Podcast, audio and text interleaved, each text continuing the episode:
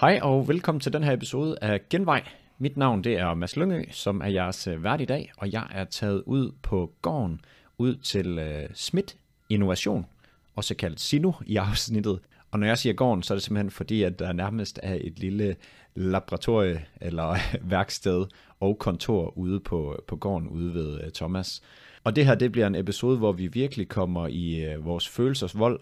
Uh, det kommer faktisk til at være en rigtig øh, bred episode. Vi kommer til at tale om for eksempel stress, men vi kommer også til at tale omkring, at Thomas han er vokset op i, øh, ikke en kostal, men i et hus, hvor der lå en kostal til, hvor der simpelthen var en masse robotter, som har startet hans sådan øh, interesse for det her felt i forhold til en masse mekanik og opfindelser og alle de her ting.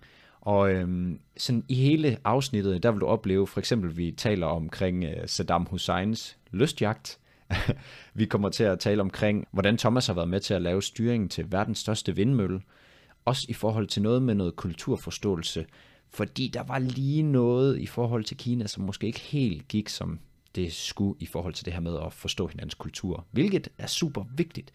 Og så runder vi det her med at lave en fed arbejdskultur, hvordan man får det til at føles som om, at det også er deres projekt, og man virkelig får skabt den her familiefølelse om, at nu gør vi det sammen. Og, og ja, så nævnte jeg jo det her med, at vi kommer forbi stress, og øh, hvad man gør, hvis man selv har haft det dårligt. Og både Thomas og jeg, vi deler ud af vores, øh, hvad skal man sige, vores bekendtskab med det her. Og øh, ja, det, vi, vi kommer lidt i følelsernes vold der, men jeg tror virkelig, der er noget at, at hente, hvis du selv nogle gange føler, at buen den er lidt spændt. Så øh, jeg vil ikke sige så meget mere end det, udover at Thomas han er en af de hyggeligste og varmeste mennesker, jeg har talt med i rigtig længe, så det var virkelig en fornøjelse, og den time plus en lille smule, vi snakkede sammen, det gik simpelthen så hurtigt, og vi havde det så hyggeligt. Så jeg håber, du kan høre det, og der er virkelig meget guf i den her episode, så jeg synes ikke, at jeg vil trække den længere end at sige, lad os bare hoppe ind i episoden. God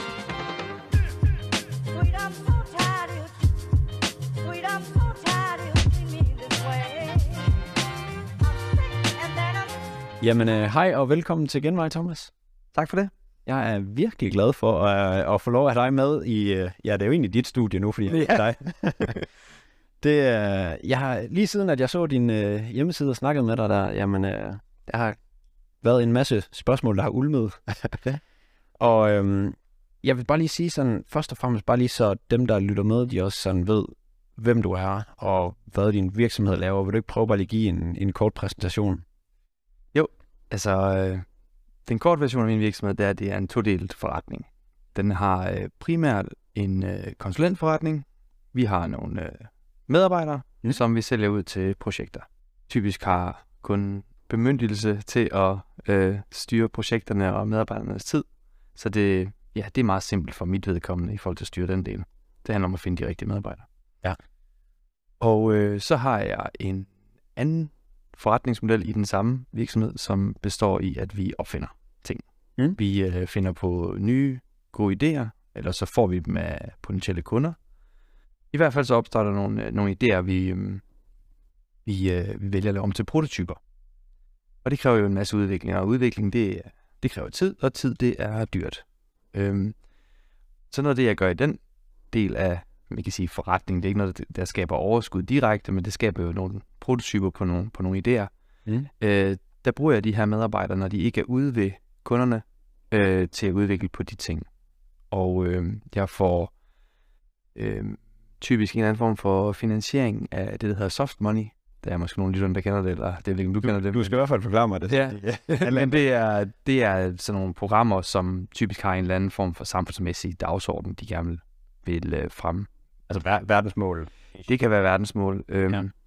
Man kan sige, at i Danmark, der er nogle af de første, den første, man typisk stifter, stifter bekendtskab med, det er den, der hedder en InnoBooster fra Innovationsfonden. Den er meget lige til, den er meget øh, populær. Øhm, den, er, er, det ikke, er det ikke for at boost, altså eller til at hjælpe ejeren med at kunne have kapital til at kunne drive det, eller hvad? Jo, altså man kan sige, de har lidt forskellige programmer. Oh. Der er også det, der hedder InnoFounder. Det er sådan lidt mere baseret på personen, øhm, hvor InnoBoosteren, det er sådan meget øh, teamet. Øhm, og man kan sige, det de gerne vil se, det er arbejdspladser. Vækst i Danmark. Og alle har jo også en, en klimadagsorden, og den er også blevet stærk inden for Innovationsfonden. Men man skal ind og finde ud af de her programmer, der er. Hvad vil de gerne se? Og den idé, jeg har fået, passer den så til det, de leder efter. Nogle programmer, der skal du altså stort set ikke have fundet et produkt, det skal bare være en idé, ellers kan du ikke få pengene. Andre ting, der skal du nærmest være klar til at lancere det, før de vil støtte det. Så der er forskellige dagsordner i de her forskellige programmer. Og i Danmark der er det Innovationsfondens Innobooster, der nok er den, den første, man sådan stifter bekendtskab med, hvis man skal have søgt penge til, en- til en idé. Og den kan jeg godt anbefale, hvis der er nogen lytter, der gerne vil kigge på det. Den er virkelig god. Ja. Øhm, så øh, kommer man lidt længere op af det, så er det de der UDP'er. Jeg ved godt, det bliver et lidt langt svar på de spørgsmål, men, Tag det med. men, øh, men der er nogle større rammer der, som typisk kræver, at man sætter et projekt konsortium, og så kan man søge en øh, GUDP, som er fødevare, og MUDP, som er miljø, eller, eller EUDP, som er energi, klima. Og øh, det er så henholdsvis Energistyrelsen, Miljøstyrelsen og Fødevarestyrelsen under Miljøstyrelsen, at man søger ved. Og de har jo så de soft, øh, bløde værdier, de gerne vil Mm. sætte nogle penge af til politisk for samfundet, og vil støtte, at der er nogle personer og nogle virksomheder i, i samfundet, der så vil prøve at løbe med de dagsordner. Og det passer jo godt ind til sådan en virksomhed som min, Ja. som jo har nogle personer, nogle dygtige personer, øh, som gerne vil fremelske nogle øh, idéer. Så de har typisk altid en god øh, historie eller værdi eller dagsorden, de idéer, vi har. Altså, det er ikke, vi har ikke idéer om at skal lave en eller anden øh, drone, der kan slå mennesker ihjel, eller sådan noget, for det er svært at få soft money til. Ja, det- Ikke at- det- ikke at det- Ikke at det er den eneste årsag til det, øh, fordi det, er også, det passer så godt med de værdier, vi selv har, Mm. men det vil aldrig ske, fordi at øh, den der øh, finansiering, der ligger i det, i hvert fald på nuværende tidspunkt, den er drevet af øh, de her dagsordner, og især klimadagsordenen. Ja. Vi er jo primært energiingeniører, øh, så vi ved lidt om det med at spare energi og, lave innovation inden for det. I forhold til det her, nu ved jeg ikke, om det er det samme, men øh, hjemme på gården i øh, Sydvestjylland, der, der kan man, øh, eller vi er blevet berettiget til, det er så min øh, familie, Ja. som er blevet berettiget til at lave et landområde, fordi at de gerne vil øh, fremme, elske øh, sådan, du ved, den mere diversitet i Ja. naturen. Det er et kommunestøttet projekt. Jeg ved godt, at det nok ikke lige præcis er sådan noget, Nej. men, men Samme princip. ja, lige præcis. Fuldstændig. Okay. Altså, det er politisk satte mål øh, med øremærkede finansielle midler til at nå de mål. Det må gøre det dej, eller ikke dejligt nemt, men, men man kan sige, hvis folk ikke selv skal punge ud af ja. Egen lomme, det gør vel lidt ved beslutningsprocessen, tænker jeg. Ja, ja det er rigtigt. Det, det hjælper gevaldigt på det. Men man kan jo sige, at miljøet har jo heller ikke noget at betale med. Og i et kapitalistisk samfund skal du have noget at bytte med, hvis du skal ses. Og øh, det kan du også sige inden for klima og andre ting, at der så er ved at være en direkte sammenhæng imellem altså forbrugerne og øh, en klimadagsorden er jo så en god ting øh, for det. Men øh, det er jo noget, der er kommet her for de senere år jo. Mm. Og øh, jeg tror i bund og grund, så øh, er der også øh, meget mere synergi end det, man lige har omtalt indtil videre, fordi at hvis du, i hvert fald de generationer på arbejdsmarkedet, vi ser nu, Mm. øh, så er det virkelig også noget, der tiltrækker gode potentielle medarbejdere, at man kan øh, arbejde med noget, som ja, for eksempel løser klimakrisen. Ja. Eller det sænker pesticidforbruget i i landbruget. I noget purpose for en medarbejder. Lige præcis. Det er faktisk mange gange det, der er noget af det vigtigste. Øhm, så vi giver nogle rammer, der gør, at man helt klart er purpose med det, man laver. Ja. Men også, at man har det her familiære, som også giver purpose. Altså, at man, de medarbejdere, de personer, man sidder sammen med, er, altså det er meningsfyldt, fordi de er ikke bare endnu en, et nummer i den her organisation. Ja, og det, det kan man jo virkelig fornemme, øh, når man Det er jeg glad for. ja, det, det, det kan jeg føler allerede, at, ja. Ja. at det må være rart at være på dit, øh, dit team. Øhm, bare sådan i forhold til, nu nævnte du lige inden øh, vi gik på her, at Mm. medarbejderne, det er det vigtigste et eller andet sted i jeres forretning. Ja. Og du sagde det faktisk også i starten. Men øh, at, at tiltrække medarbejdere er en, hvad skal man sige, en, en nøgleegenskab Ja. for jeres virksomhed. Vil du bare lige sætte et ord på det? Jo, altså grunden til, det er øh, nøglen, er, at øh, arbejdsmarkedet er, som det er lige nu. Øhm, der er meget, meget arbejde, og meget, meget få til at gøre det. Ja. Og inden for mit felt, altså der er måske 2% øh, arbejdsløshed. Og det er jo dem, der egentlig ikke lige vil, er eller er imellem job, eller sådan noget. Ja, så alle har øh, arbejde. Ja. Og øh, det kan rigtig svært for virksomheder at tiltrække øh, de rigtige kandidater. Øh, mange, eller ikke mange, nogen, Mm. lad mig sige sådan, vi har oplevet kunder, øh, hvor vi kunne ansætte nogen, rekruttere nogen, og sætte ud i en stilling, som ville være blivende i den stilling, hvor de ikke selv har været i stand til at tiltrække nogen i til samme stilling. Fordi at vi lige præcis gør det her med, at vi giver en karrierevej på en måde, øh, for medarbejderne, i stedet for at de kommer ind i den her store organisation, og øh, chefen ser mig ikke rigtigt, eller hvad, hvordan passer jeg ind i det her kæmpe tandhjul her, hvor hvis de starter her, altså så er det mig.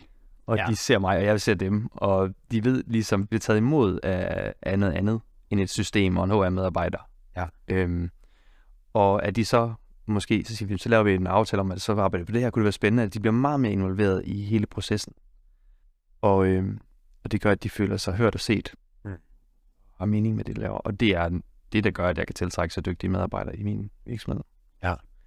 Og det, det, øh, du fortalte også lige sådan, at øh, I havde noget med at spille paddle. Ja. Sådan, ja, at, at, du fortalte, at I prøver sådan at øh, lave en sådan familiær stemning her. Ja. Hvordan, hvordan gør I det? Altså, man kan sige, paddle, det er, det er måske sådan lige til, altså vi spiller paddle ja. hver tirsdag fra 16.30 til 17.30, og folk kan melde sig på. Og øh, ja, vi er næsten altid en 4-6 stykker, der spiller. Øhm, så har vi, øh, ja, i dag er faktisk første dag, vi aflyste. Nå, det er sådan der. Det var ikke min skyld, men... Nej, det var det ikke. Nej, nej der, var, der var lige en anfald. Men øhm, øh, ja, så, så gør vi jo det, at, øh, at vi øh, sidder i nogle omgivelser, der faciliterer det. Øh, det gør jo også noget for det. Så tror jeg, det er min ledelsesstil, gør også meget ved det. Altså, at man øh, er med til, så kommer der piller til pille, så er man lige ude og hjælpe med at smide pillerne ind, øh, for eksempel på, på ballerne, og så tilbage og arbejde. Sådan. Det kan godt være sådan lidt nogen vil måske ikke synes, det er særlig fedt, men andre synes, det er sjovt, og så gør vi lige det. Giver lidt afbræk. Ja, så giver vi lige afbræk, så kan vi lige ordne det her sammen, for det skal lige fikses. Og ja. forrestordning, det er jo ved, at vi tager en kasse med pålæg ind og sidder og smører det sammen her ved bordet, og, og det er jo også, altså, hvad kan man sige, en del af det. Og, så vi har faktisk mange af de ting, som man ser i store virksomheder, alle goderne, men, men mere sådan, vi er sammen om det. Vi giver den her følelse af, at nu er vi et lille team, der skal der til at, til at lykkes sammen. Det ja. synes jeg gør noget. Og så har vi uh, nogle gode fester. Det er vigtigt. Ja. Så, og det kan jeg desværre ikke tale om mere om. Nej, det er helt fair. Men øh, vil du ikke lige prøve sådan at, at forklare, hvordan, øh, hvordan er du blevet den her kreative type? Har der været noget, der har påvirket dig? Nu er jeg blevet inspireret af din hjemmeside. Ja. Øhm, sådan både opvækst og måske noget arbejde, eller? Ja, altså øhm, man kan sige, det her med, at vi sidder herude på landet nu her, og har et, øh, et stuehus og en virksomhed i en, i en landbrugsbygning, er ikke fjern for mig, fordi det var det, jeg voksede op i. Okay. Så man kan sige, der er det måske mere mine forældre, der har været kreative end mig. Øh, ligesom at, man kan sige, at lægesønnen bliver læge, og ja. sådan noget, det er jo nok meget normalt i virkeligheden. Mine øh, seje forældre, de valgte så bare at, at lave en øh, robotvirksomhed ude i vores gamle kosal. Og så tænkte jeg, det er jo nok sådan, man gør. ja, så er det bare at køre videre det. Ja, så solgte han så den, ligesom jeg skulle til at håbe, jeg skulle hjem overtage den, og så må jeg jo lave mit eget. Ja. Så inspirationen for det, jeg laver, det kommer helt klart fra at se mine forældre øh, skabe det her omkring mig, der var vokset op. Ja. Og det har også givet mig en, en, øh, en interesse i øh, ingeniørfaget og en nysgerrighed. Jeg vokset op, hvor der var meget spændende ting over i Kostallen lige pludselig, hvor man kunne se folk, der... Så kom der japanere lige pludselig og skulle teste et eller andet system, okay. eller... Der var også, jeg tror faktisk, det var... Jeg tror, det var på Science Lystjagt, vi okay, lavede på et tidspunkt, så det var sådan... Ikke, ikke at han lige var der, men... men altså, der var, nogle, øh, der var nogle systemer, som, øh, som var virkelig, virkelig spændende at følge med i, hvordan fungerer tingene. Og det fik jeg jo, det såede et frø i mig som helt ung, 12 år, mm. som jo øh, har gjort, at jeg måske fandt lidt mere mening med at have fysik, end ham, der sad ved siden af, og ikke kunne forstå, hvorfor vi skulle have det her. Ja. Og jeg synes, det var mega spændende. Ja. Fordi det kunne jo gøre, at jeg kunne komme med over og arbejde på nogle af de ting her. Og jeg programmerede min første styring. Det var faktisk en kalender, en julekalender, som, som 12-årig, tror jeg. Okay. Hvor jeg cyklede ned til toget og tog toget ind til Holstebro, Lund, en bog om noget, der hedder Delphi Pascal. Ja. Så hjem igen som mobbedreng. Så læste jeg den, og så begyndte jeg at programmere øh, ja, til øh, programmeret sådan juleklænder. Okay. Hvordan, hvordan jule? Altså... Ja, det var sådan på computeren, hvor man kunne... Øh, øh, der var 24 lover, og så, så prøvede jeg at tage en lov, der ikke var... Altså for tidligt, så ville den ikke åbne. Så siger den, nej, det må du ikke. Og så kunne du så åbne, når det blev den dato. Og... Ja. Så ja, på den måde. Og, jeg var vild nok som 12-årig. Ja, det var så. det kæmpe sig igennem sådan stor ja, det var ret. Ja, det var faktisk min naturtekniklærer, Erland Erlandsson, der inspirerede mig til at, at begynde at, at programmere. Jeg spurgte, hvordan Mario kom ind på computeren, og så sagde han, det gør man i sådan et program her, så lærte jeg så det. Okay.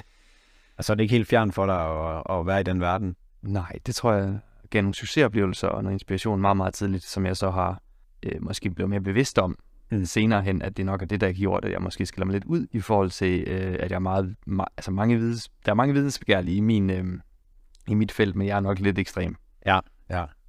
Og øh, du har også taget en speciel uddannelse. Er det ikke rigtigt? I forhold, eller ikke speciel, men måske lidt anderledes. Ja, altså den var speciel, øh, for jeg var den første, der blev uddannet. Så da jeg valgte, Altså som nummer et? ja, den første på den første årgang. Okay, ja.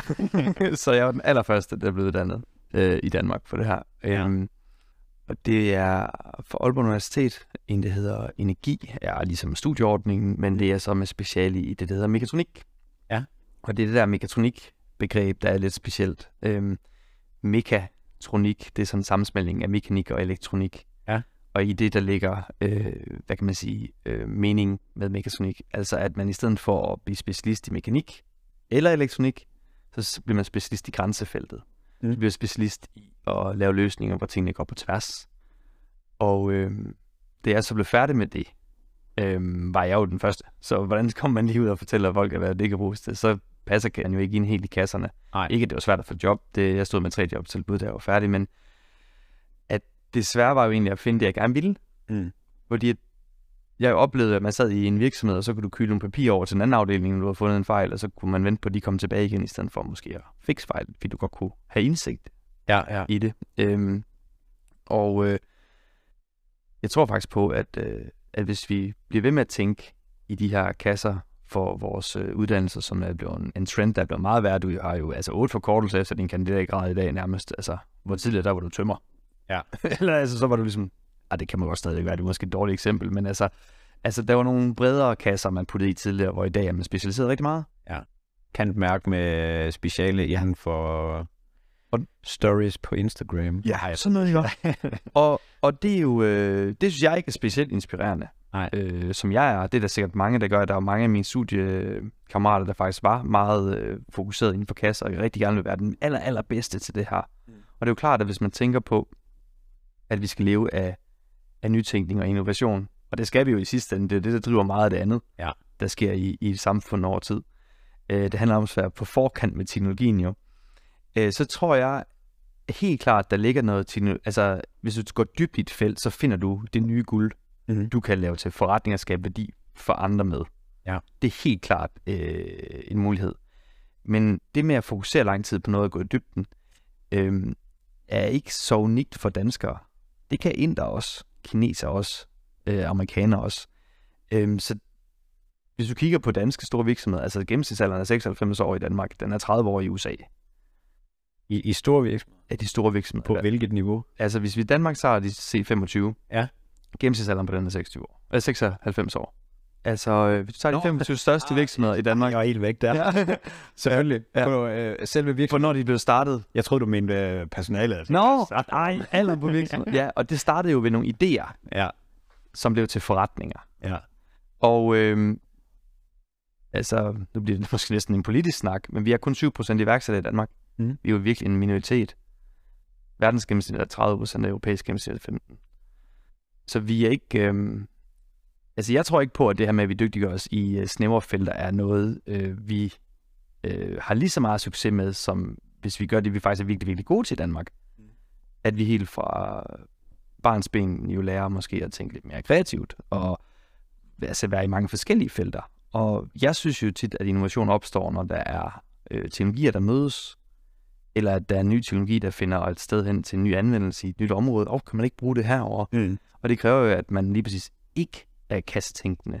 Ja. Hvor man sidder sammen 20 mekanikingeniører og skal løse på én ting. Altså så opstår det jo ikke, så kommer der lige en anden ind, og så, oh, kan man gøre det smart med elektronik? Eller el? Ja, det kan man gøre med en elektrisk aktuator. Åh, fedt, så gør vi det i stedet for. Ja.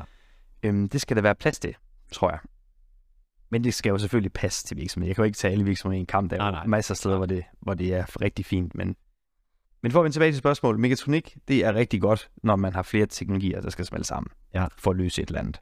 Ja, og det er også, jeg øh, kunne ligesom fornemme på dig, da vi, øh, da vi talte inden her, at du siger det også, at du nødvendigvis ikke er innovativ på den måde, at du sådan finder den nye ting, du sammensmelter bare, altså, eller ser muligheden Ja, i forskellige grænser. Det vil jeg sige var en, er, ja, det er mere rigtigt, ja. Ja. At sige, at, øh, at jeg sammensætter allerede eksisterende opfindelser. Og det er jo sådan primært, altså 99% af alt, det, det opstår jo. Øh, Så det er, ikke, det er unikt heller ikke egentlig. Det er sådan typisk innovation opstår. Er det ikke også typisk sådan, når man, når man skal lave noget nyt, at man også, nu siger du det her med, at man ikke skal være i, i kasser nødvendigvis, Mm. eller 20 specialister om den samme ting, fordi er det ikke Mm. nogle gange, når der er en eller anden udefra, jo. som ikke ved en skid om det, der siger, at det ikke lidt mærkeligt der. Jo. Og så kommer man lige ud af det og siger, jo, det er da egentlig ret mærkeligt. Det er faktisk rigtigt, ja. det er fuldstændig rigtigt. Ja. Ja. Så, øh, så det er godt at blande. Det er godt at blande, ja. Ja. Det synes jeg i hvert fald. Thomas, vi er jo nødt til, nu har vi jo rigtig teaset i lang tid om, at du har lavet nogle fede projekter. Ja. Og vi har ikke fornævnt, hvad det er. Nej, Så vil du ikke lige prøve, fordi at du har jo været inde over lidt af hvert. Ja, det, ja. Altså, øh, jeg tror, det første flagskibsprojekt, jeg rigtig fik, det var, da jeg blev spurgt, om jeg ville lave styringen til verdens største vindmølle. Ja. Øh, det var i 2017. En virksomhed, der hedder Goldwind. Der havde besluttet sig for, og det kinesisk, så havde besluttet sig for at skulle ud på, øh, på havet og lave havvindmøller. Ja. Det er et marked, hvor der er en deponeret af Siemens Windpower. Øhm, og øhm, de gik til Danmark for at finde ud af, hvordan man lavede det, og fandt ud af, at der var nogen her, der var rigtig gode til at levere øhm, øh, hydrauliksystemer til øhm, de her vindmøller. Mm. Og jeg blev så bedt om at hjælpe dem med at, at lave styringen fra, fra bunden af. Ja. Hvilket jeg gjorde. Og bare lige for os, der ikke sådan helt er så nørdet Ja. forhold til styringen af vindmøllen. Ja. Hvad er det lige præcis, der kan gå galt? Eller hvad Altså man kan sige, en, øh, en vindmøllestyring består af lidt forskellige komponenter. Når jeg taler om styring i den her sammenhæng, så er det den styring, der drejer vingerne. Okay. Og grunden til, at du drejer vingerne, er to ting.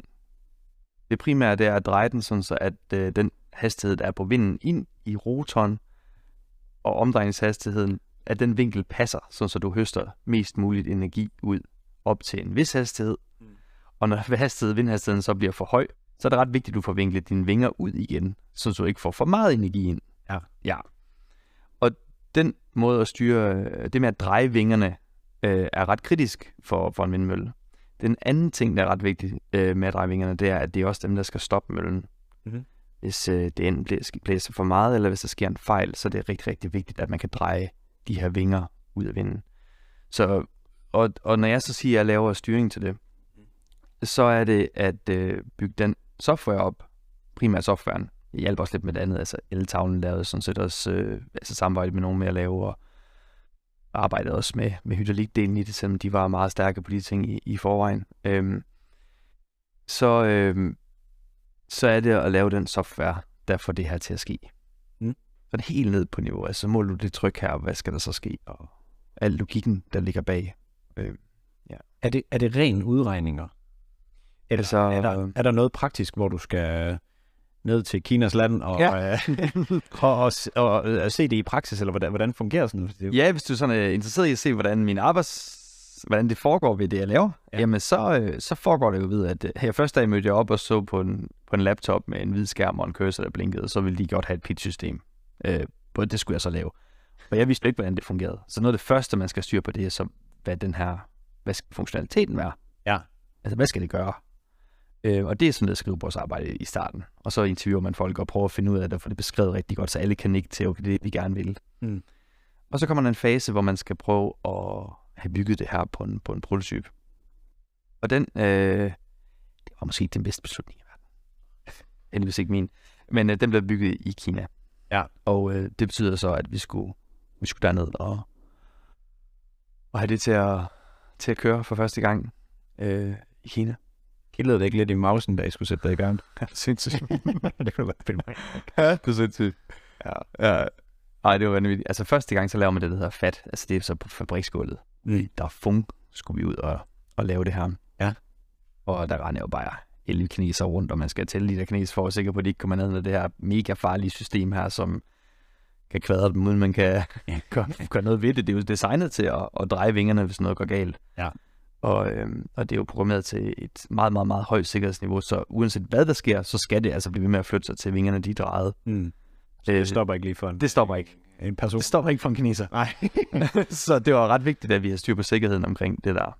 Ja. Øhm, ja, så der var i hvert fald en, en god oplevelse det, øh, hvor vi fik det, ja, jeg tror vi programmerede 36 timer i træk uden at sove en enkelt dag, fordi have en funktion ud af. Der oplever man noget om kultur også. Det er rigtig kineser.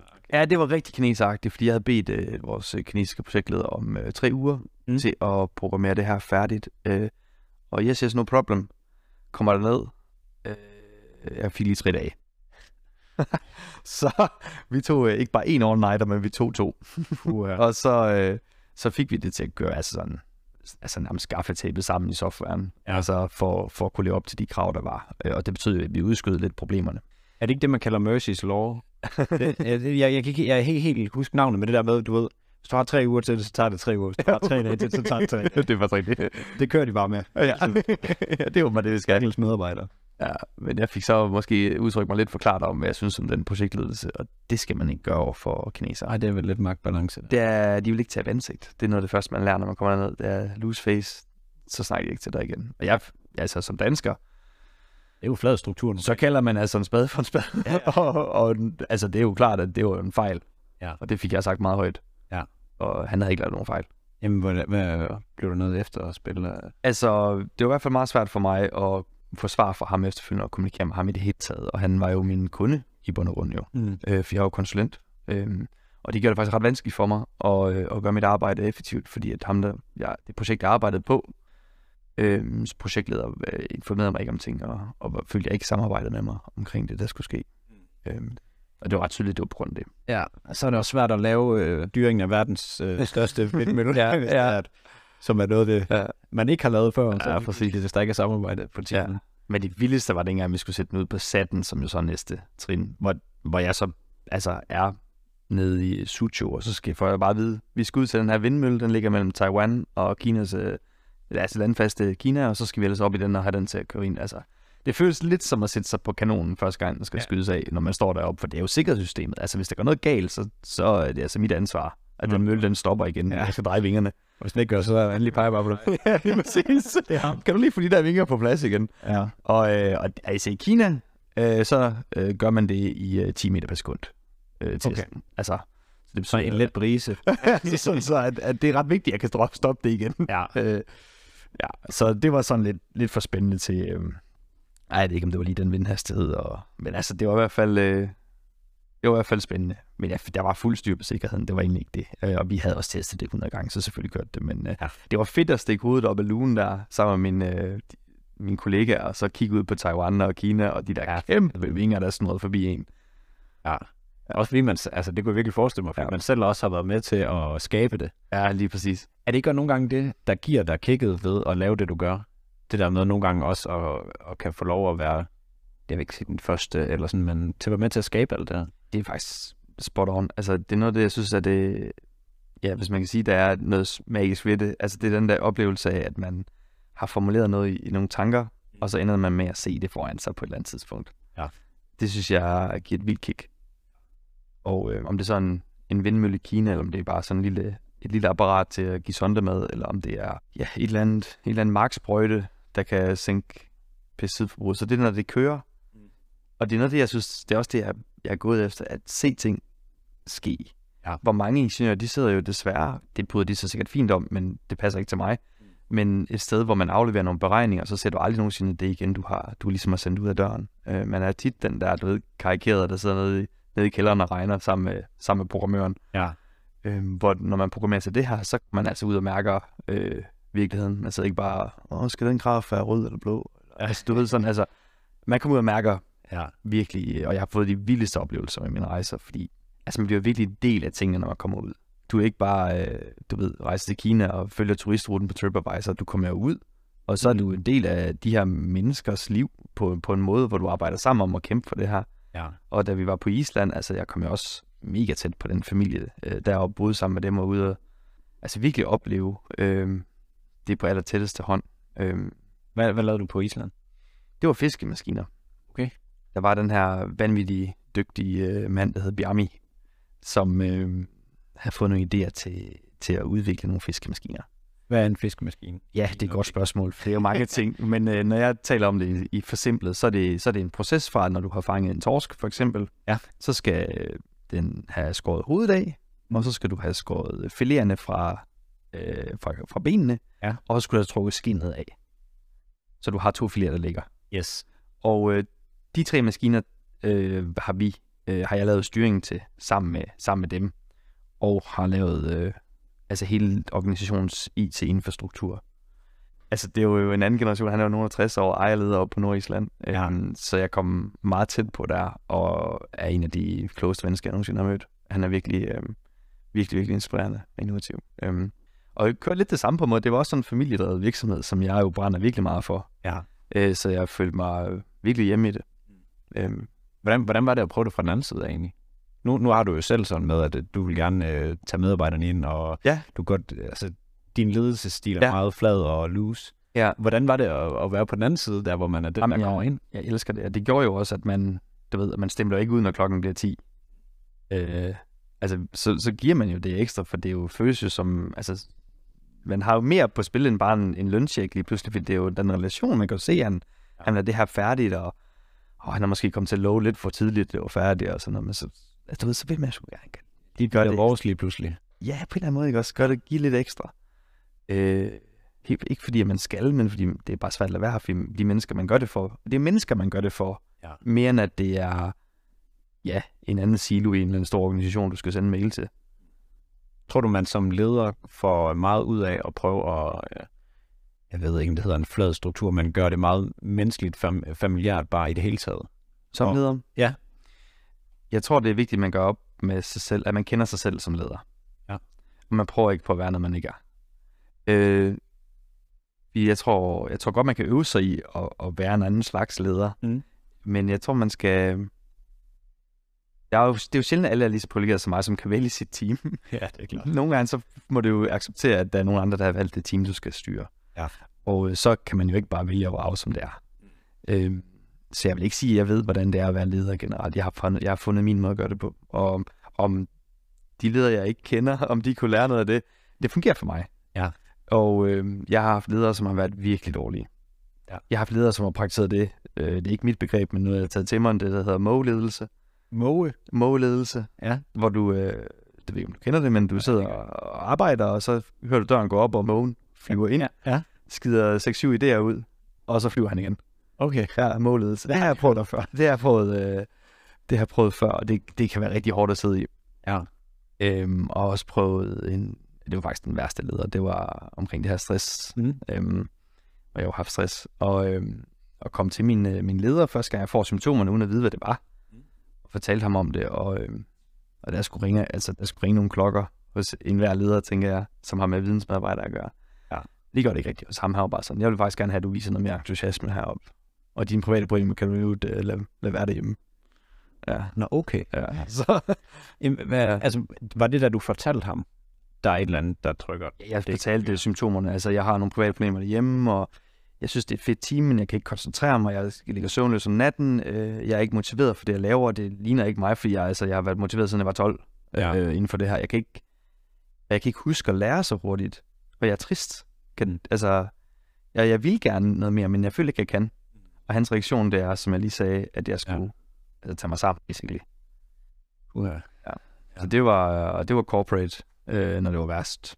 Ja. Så blev han selvfølgelig forfremmet ret kort tid efter. Og, øh, klart. ja, og så fik jeg en ny øh, chef, som var chef for 150 mand, øh, og går til ham, efter jeg har været læge, og får at vide, at, øh, eller så siger til ham, at øh, jeg har været læge, og, og enten så får du en sygemelding nu, eller så, så fyrer du mig. Mhm. Han mig. Mhm. Og øh, Må man det? jeg tror godt, man må, hvis man, hvis man er en medarbejder som mig, som, som giver muligheden. Okay. Øhm, for ellers så kunne jeg bare syge med mig jo. Ja.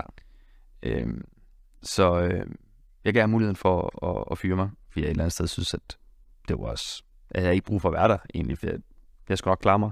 Og ganske rigtig skidt, der to dage, så ringede min tidligere og sagde, hvad er du ledig, eller hvad? Ja, jeg har lidt... Øh, jeg er sgu ikke på, jeg er ikke på toppen. Jamen, kom lige ned og kig. Og så fik jeg, så fik jeg startskud til Sino. Ja. Hvor, øh, ja, det var en kamp bare at komme ud af sengen i bund og grund. Altså, det var virkelig, virkelig hårdt. Og også på det tidspunkt, hvor du ligesom starter virksomheden? Ja, Okay. Altså, det var, altså, det var virkelig hårdt. Altså, jeg sådan, gik i sin egen verden, og altså, var sådan helt apatisk. Kunne ikke mærke noget længere. Altså, det var virkelig, virkelig hårdt. Øhm, og så da han ringede, det kunne jeg da godt, altså, så skete der noget den dag, og kom op og kom ned. Hvordan, hvordan helt, øh, sådan helt ærligt, hvordan føles det, sådan, når man er på den der, hvor man ikke rigtig gider at stoppe, eller overgår, eller kan, Ja. eller sådan, hvor- hvordan Altså, øh, jeg tror, det føles meget forskelligt. Men for dig så? ja, for mig, så føles det, øh, det skyldes det sådan overtænkning. Ja. Altså, min hjerne var simpelthen blevet så træt af at prøve at løse min situation, både privat og, og på arbejdet, at den var øh, udbrændt. Ja. Og øh, det føles øh, som om, man konstant har skam, at man ikke er dygtig nok, man ikke er god nok til alt, hvad man vil. Ens drømme forsvinder, der er bare sort. Øhm, man kan ikke se mennesker i øjnene, fordi at man, føler ikke, at man er god nok. Øhm, men hver gang man prøver et eller andet, så føler man, man tror ikke, man, man tror, man fejler. Mm. Øhm, er bund og grund sådan en lille skygge af sig selv, hvad man kunne være. Ja. Øhm, som jo er en, som, som jo er, kræver rigtig meget viljestyrke og energi at, at komme ud af. Fordi der kommer ikke nogen, der gør det. Øhm, så jeg brugte øhm, den sparsomme energi, jeg havde, også øh, på at prøve at finde ud af, hvad der fungerede for mig. Og noget, der fungerede, det var faktisk at arbejde.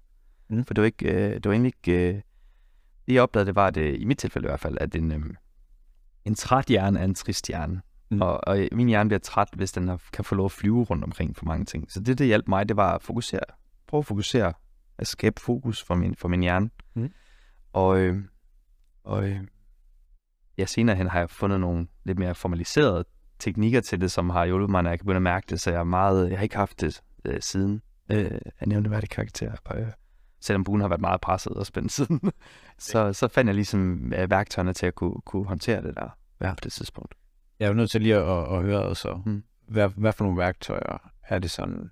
Altså, jeg tror, hvis, øh, hvis nogle af lytterne kan relatere til det her med at være udbrændt og overtænke og tankemøller, når man skal sove, øh, så vil jeg anbefale, at man øh, giver den bog, Pia Kallesen har skrevet om, der hedder Tænk, Tænk mindre, lev mere. Øh, det tager fire og en halv time af Mofibo. Den, øh, den giver sådan en lynhurtig introduktion til det, der hedder MCT, øh, MCT metakognitiv øh, terapi. Ja. Og det går bund og grund ud på at styre sine tanker. Altså metakognitiv, altså i stedet for bare, at du tænker, så går du lige meta på det og prøver at tænke over, hvordan du tænker. Ja. Det lyder meget, meget, meget, meget tankeagtigt. Men det, det i bund og grund går ud på, det er, at du skal, du skal egentlig ikke tænke så meget. Ja. Øhm, og, og der er en masse... Altså, du skal ikke gå ret mange generationer tilbage, før vi ikke skulle tænke helt så meget, som vi gør nu. Altså, det, vi tænker meget nu. Hvor forestiller meget information, vi er bombarderet med i, i, bare i vores generation til tidligere generation. Det er jo helt vildt. Og det er, de har adgang til os alle steder. Ja, præcis. Telefoner, computer. Hele vejen rundt. Ja. Ja, og når du er færdig med det, så altså, vores hjerne er ikke biologisk designet til at håndtere det. Det kan det så, øh, har det vist sig. Mm. Øh, men det er også lidt en Ferrari, der blæser det ud af. Og øh, har du været ude og løbe et maraton, så er du træt bagefter, du kan mærke hvorfor, du kan se det. Men din hjerne er det som om, at vi ikke rigtig, vi bliver ikke i kontrol. Vi føler ligesom, at alle tanker, der kommer, skal vi tænke.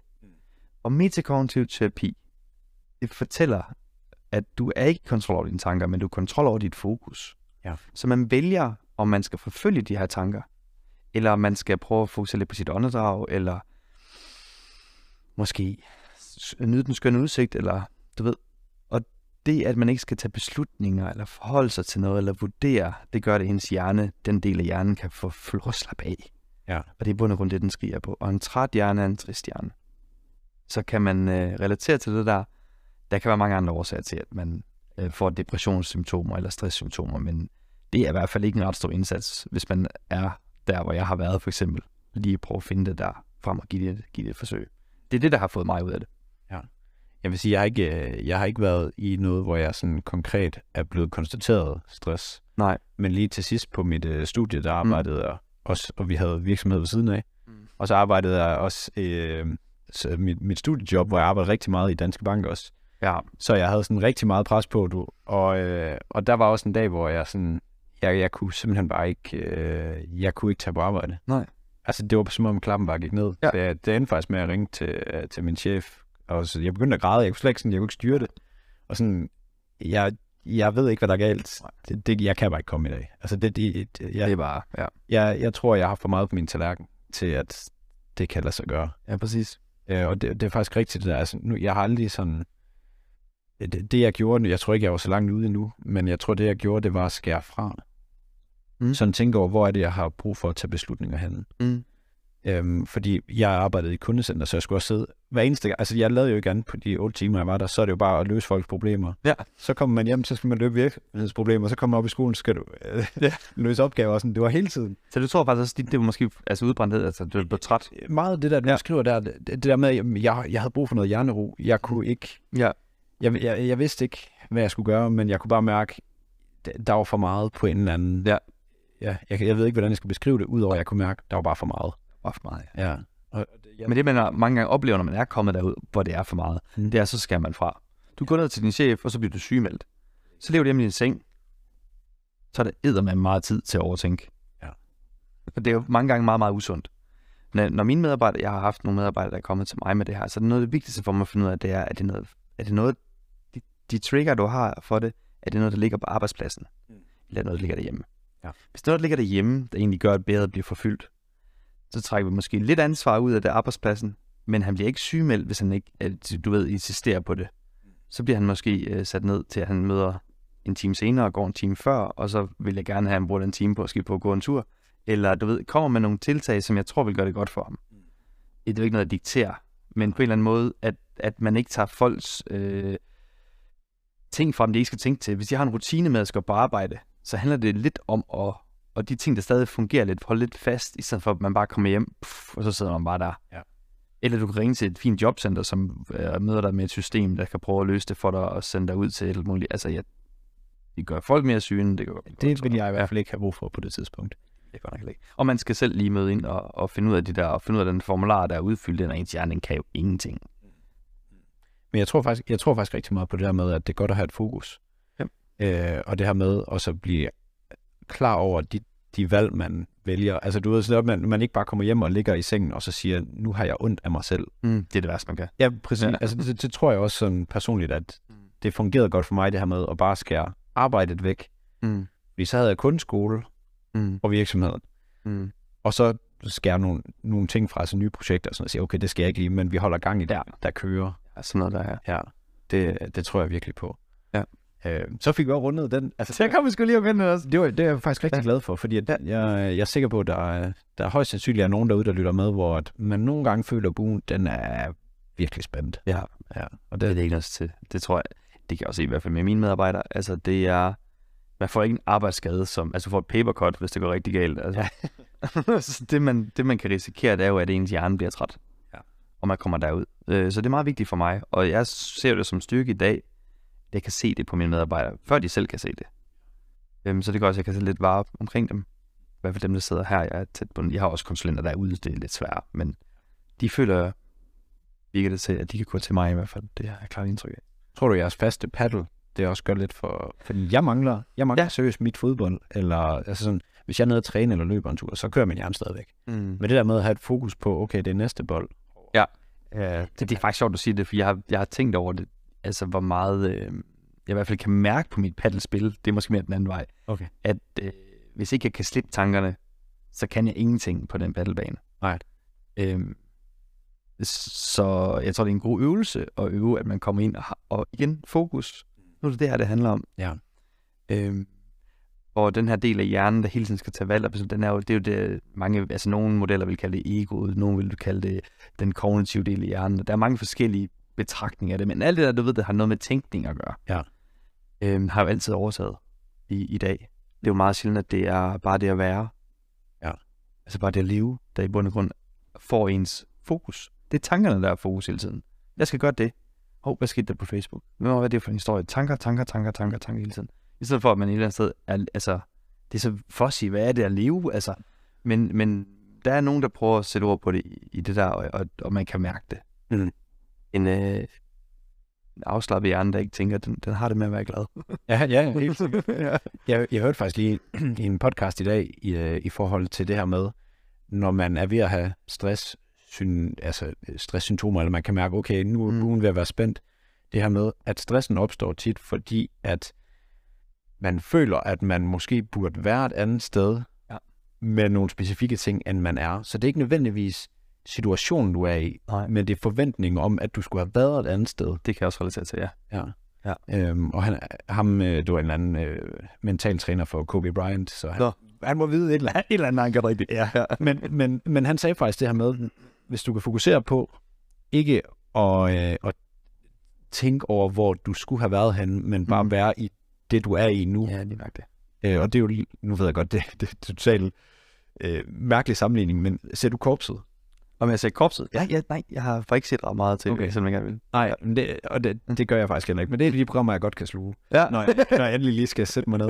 Men, men det sjove er, at den tankegang, som de har i Mm. forhold til øh, jægersoldaterne, Ja. det er jo også, hvis de skal løbe 20 km, Mm. så er det, så bryder de det jo ned i nærmest de 100 meter. Mm. Fordi så igen, ligesom du sagde, fokus på én ting. Ja, okay, Okay. okay, jeg skal bare lige hen til det hjørne. Så skal jeg bare lige hen til det hjørne. Og det er jo faktisk det, de bliver trænet i, det her. Okay, ja. Så det kan, ja, det kan bruges til effektivitetsforøg også. Ja, Ja. ja, det tror jeg helt sikkert også, det kan. Jeg tror, øh, det er i hvert fald noget, der har gjort en, en stor forskel for mig, både personligt, men også, også øh, fagligt. Ja. Altså, man kan bare yde meget mere, hvis du ikke kommer ud. Og alle kender det jo, hvis du først kommer op, hvor det, bliver, hvor det sejler for dig. Mm. Du er for træt med hjernen, altså, så tager du dårlige beslutninger. Øh, Det er som om viljestyrken, den ligger samme sted som det her. Altså, så ryger du, eller du spiser lidt ekstra, eller du ved, får ikke lige...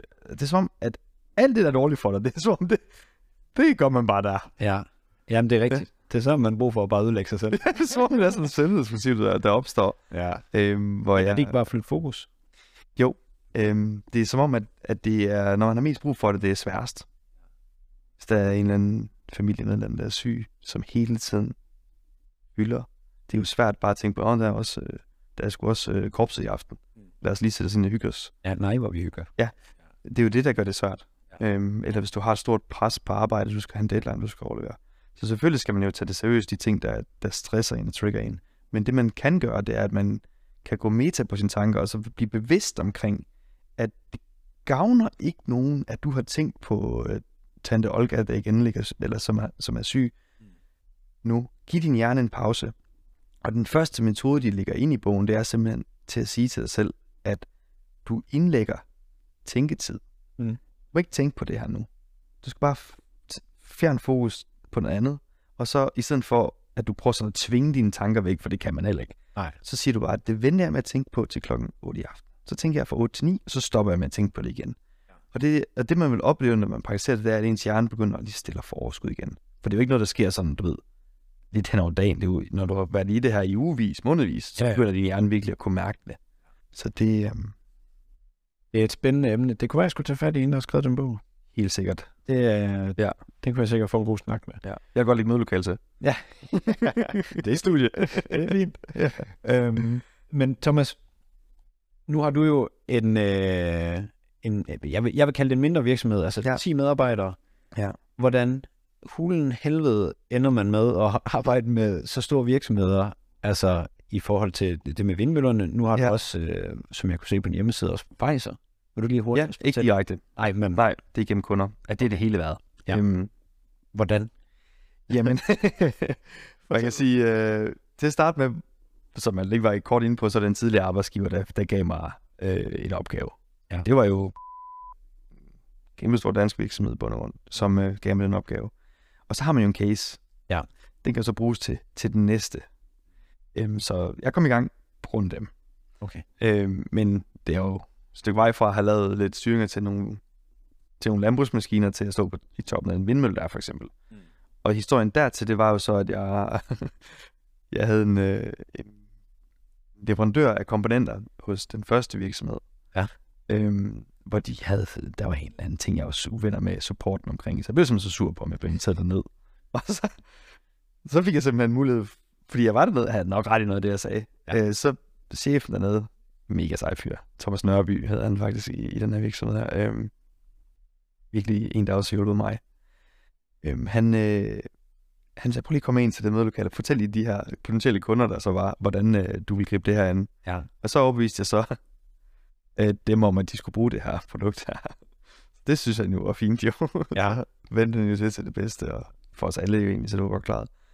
Øh, men så gik der ikke ret lang tid, så sad jeg ude ved den her øh, vindmølle pitstyrings eller pitsystem producent, som øh, så var faktisk en af medarbejderne, der gik ned med stress derude, som gjorde, at jeg fik en meget større rolle, end der egentlig var planlagt.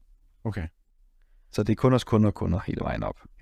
Gør du noget for at øh, iscenesætte, at du måske kan få en ny kunde ved at, du ved sådan, det kunne godt være, at man, man gik til projektlederen eller ejeren, Ja. eller hvordan, og siger sådan, når vi er færdige med det her, kender du nogen, som det er? Øhm, Og måske vil jeg lige nu at sige, at grunden til, at jeg synes, at det er spændende, det er, Mm. fordi det er oftest det sted, hvor jeg synes, at eller fornemmer, at der er flest selvstændige, der har den udfordring, du ved. Ja. Hvor skal kunderne komme fra? Ja. Nogle gange så er det lidt tilfældigt, når man lige mangler en eller anden indtjening eller et eller andet, så dumper de ned i turbanen, men sådan, det jeg gør for at bygge videre på tidligere øh, det er faktisk, jeg synes ikke, jeg lykkedes super godt med det faktisk. Og, og det er sådan lidt hårdt, øh, det der med, at man... For eksempel vindmøllen, ikke? Så har jeg kæmpet med det her team her, været oppe i toppen af vindmøllen i Kina og alt muligt, og så lige pludselig stopper festen jo for konsulenter. Det gør det jo typisk i hvert fald. Øhm, og det gør det også for mig. Altså, jamen, ud og, og finde noget andet, noget andet at lave. Og jeg spurgte så på det tidspunkt øhm, min øh, daværende kunde, om vi ikke kunne lave en, øh, en fælles presmeddelelse, som gjorde, at jeg kunne få lov at, du ved, at komme ud og fortælle min historie. Fik også øh, dem til at underskrive en presmeddelelse, sendte ud, og der kom nogle, noget historie om det. Jeg var så ikke helt clearet i hele organisationen derinde, så det gav mig faktisk en masse problemer, at øh, den historie var kommet ud. Men, men det, tænkte, det var ikke rigtig min skyld, selvfølgelig jeg ikke, at, at, at det var blevet godkendt. Jeg har jo fået mit på det, så det var jo underskrevet af, både marketingchefen og så videre. Men ja, lang historie kort, så, øh, så som var den virksomhed, jeg arbejdede for der. Vi blev en kunde igen nu, altså der var en lille pause, og, og ham, jeg arbejdede for, har fundet en ny virksomhed nu her, hvor jeg lige har skrevet kontrakt i den nu her. Okay. Så øhm, jeg vil sige, at måden jeg finder opgaver på, er et godt omdømme. Mm. Øhm, jeg tror, måden jeg stoppede på ved den virksomhed, har, er værre end noget, jeg prøvede ellers. Og alligevel så arbejder jeg både med virksomheden og personen, jeg havde konflikten med i dag. Okay. Så det handler om, at man i bund og grund, øh, altså på sit netværk, tror jeg, og, og sit omdømme, og på at gøre det så godt man kan. Så skal arbejdet nok finde en. Ja. Ja, og man kan jo sige, hvis du leverer resultater, så Ja. behøver man nu nødvendigvis heller ikke selv at gøre lige så meget for det. Der er sikkert også forskel på, hvordan man er. Jeg kunne godt forestille mig, at der er nogen, der er, det har jeg oplevet, at nogen, der er vanvittigt dygtige og sidder med den her unikke viden eller guldægel kompetence, og bare ikke kan finde ud af, at folk ved, Mm. får det set. Ja. Øhm, der er jeg så på det punkt relativt ekstrovert. Jeg skal nok blære mig, når jeg kan. Ja, ja. Ja. Så det hjælper måske også lidt. Det er nok en god evne. Ja. Hvad hedder det? Vi er jo ved at være ved vejs ende. Åh, det var tidligt. Ja, det, det går hurtigt. Vil du Ja. på, hurtigt, øh, eller hvor meget vi har optaget? 30 minutter? 30? Ja. Vi er 51, 52 minutter inde. Hold op. Ja, det går stærkt. Ja. øhm, men jeg har faktisk øhm, sådan, jeg vil ikke sige, det er måske at blive lidt af standard øh, Ja. sådan spørgsmål. Men har du en specifik ting, der gør, at du holder dig skarp? En ting. Det kan være alt øh, muligt. Det, der er en nogen, trick.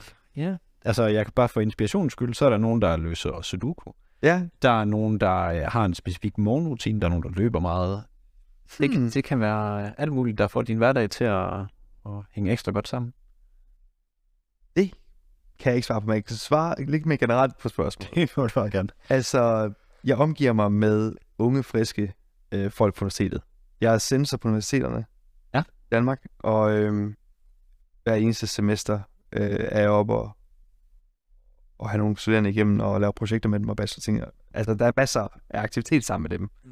og det gør, at øh, jeg nok holder mig mere ung og, og frisk i forhold til det mit arbejde, end, end, end hvis jeg kun havde ny viden hele tiden. Eller øh, altså, hvis jeg bygger videre på, på den samme organisation med, med ældre medarbejdere.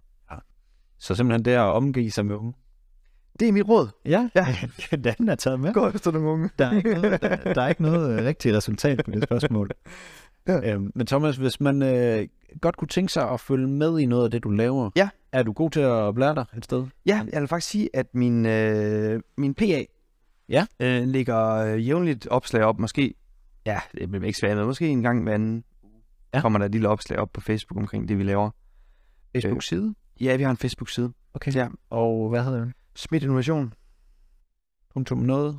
Nej. Underscore noget? Nej, det tror jeg ikke. Jeg tror faktisk bare, at den hedder Smidt Innovation. Ej, jeg ved, det er faktisk ikke engang en del. Jeg, jeg lægger et link ned i beskrivelsen. Ja, ja. Jeg har fundet Så jeg gør det, ja. Yes. Og så har vi også en LinkedIn-side, og selvfølgelig hjemmesiden. Men det er, øh, jeg vil nok sige, at vores Facebook er det, er det mest aktive øh, sted, vi får postet noget. Ja. Og nok også det sjoveste, der kommer så lidt, altså også fra det liv, vi har herude. Jeg tror, der var et post omkring, om vi knuser vores kammerjunker, og så var der en eller anden dialog omkring, om det er en god idé eller ej. Altså, altså det er alt muligt skørt også, men, øh, Ja.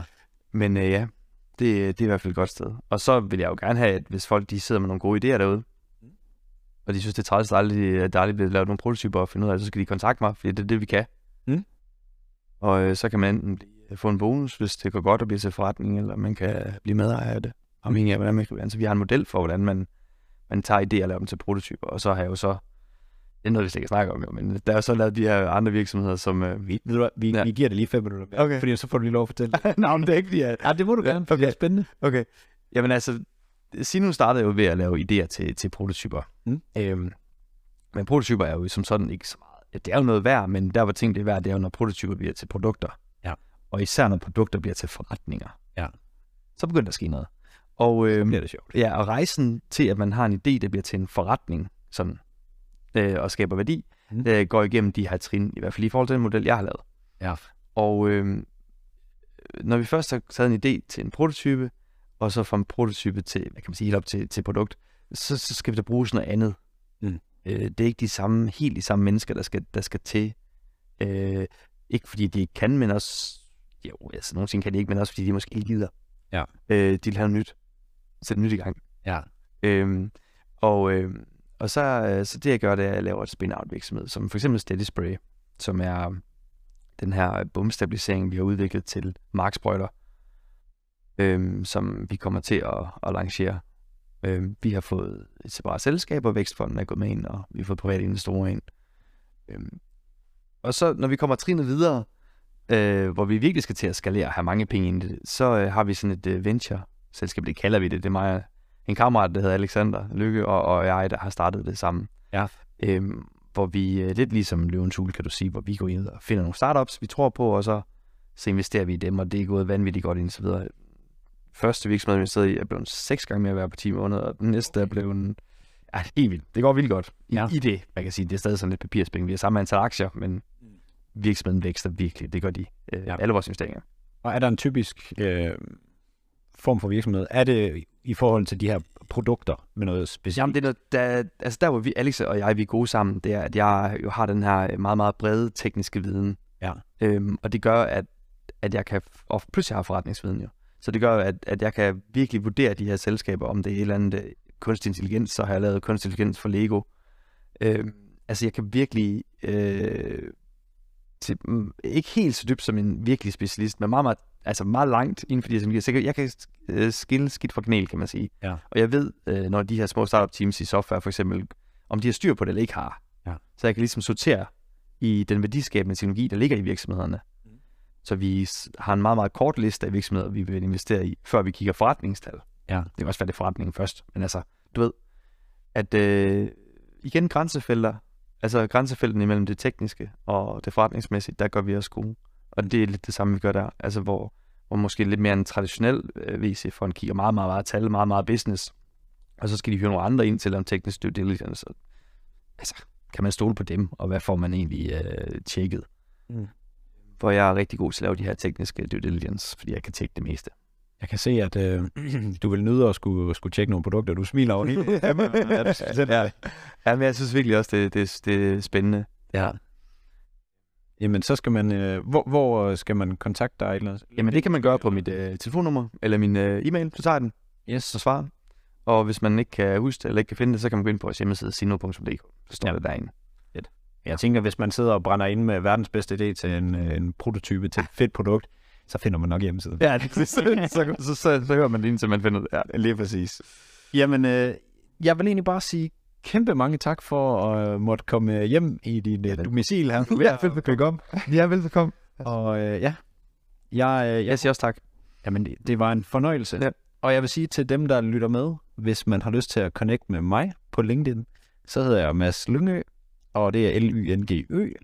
Og øh, så vil jeg blive rigtig glad, fordi jeg elsker at connect med, med fede personer, der øh, er, er vidensbegærige. og ja, det er, det er bare fedt. Så det vil jeg opfordre til, og ellers så vil jeg bare sige tak for at lytte med. Tak herfra. Vi ses.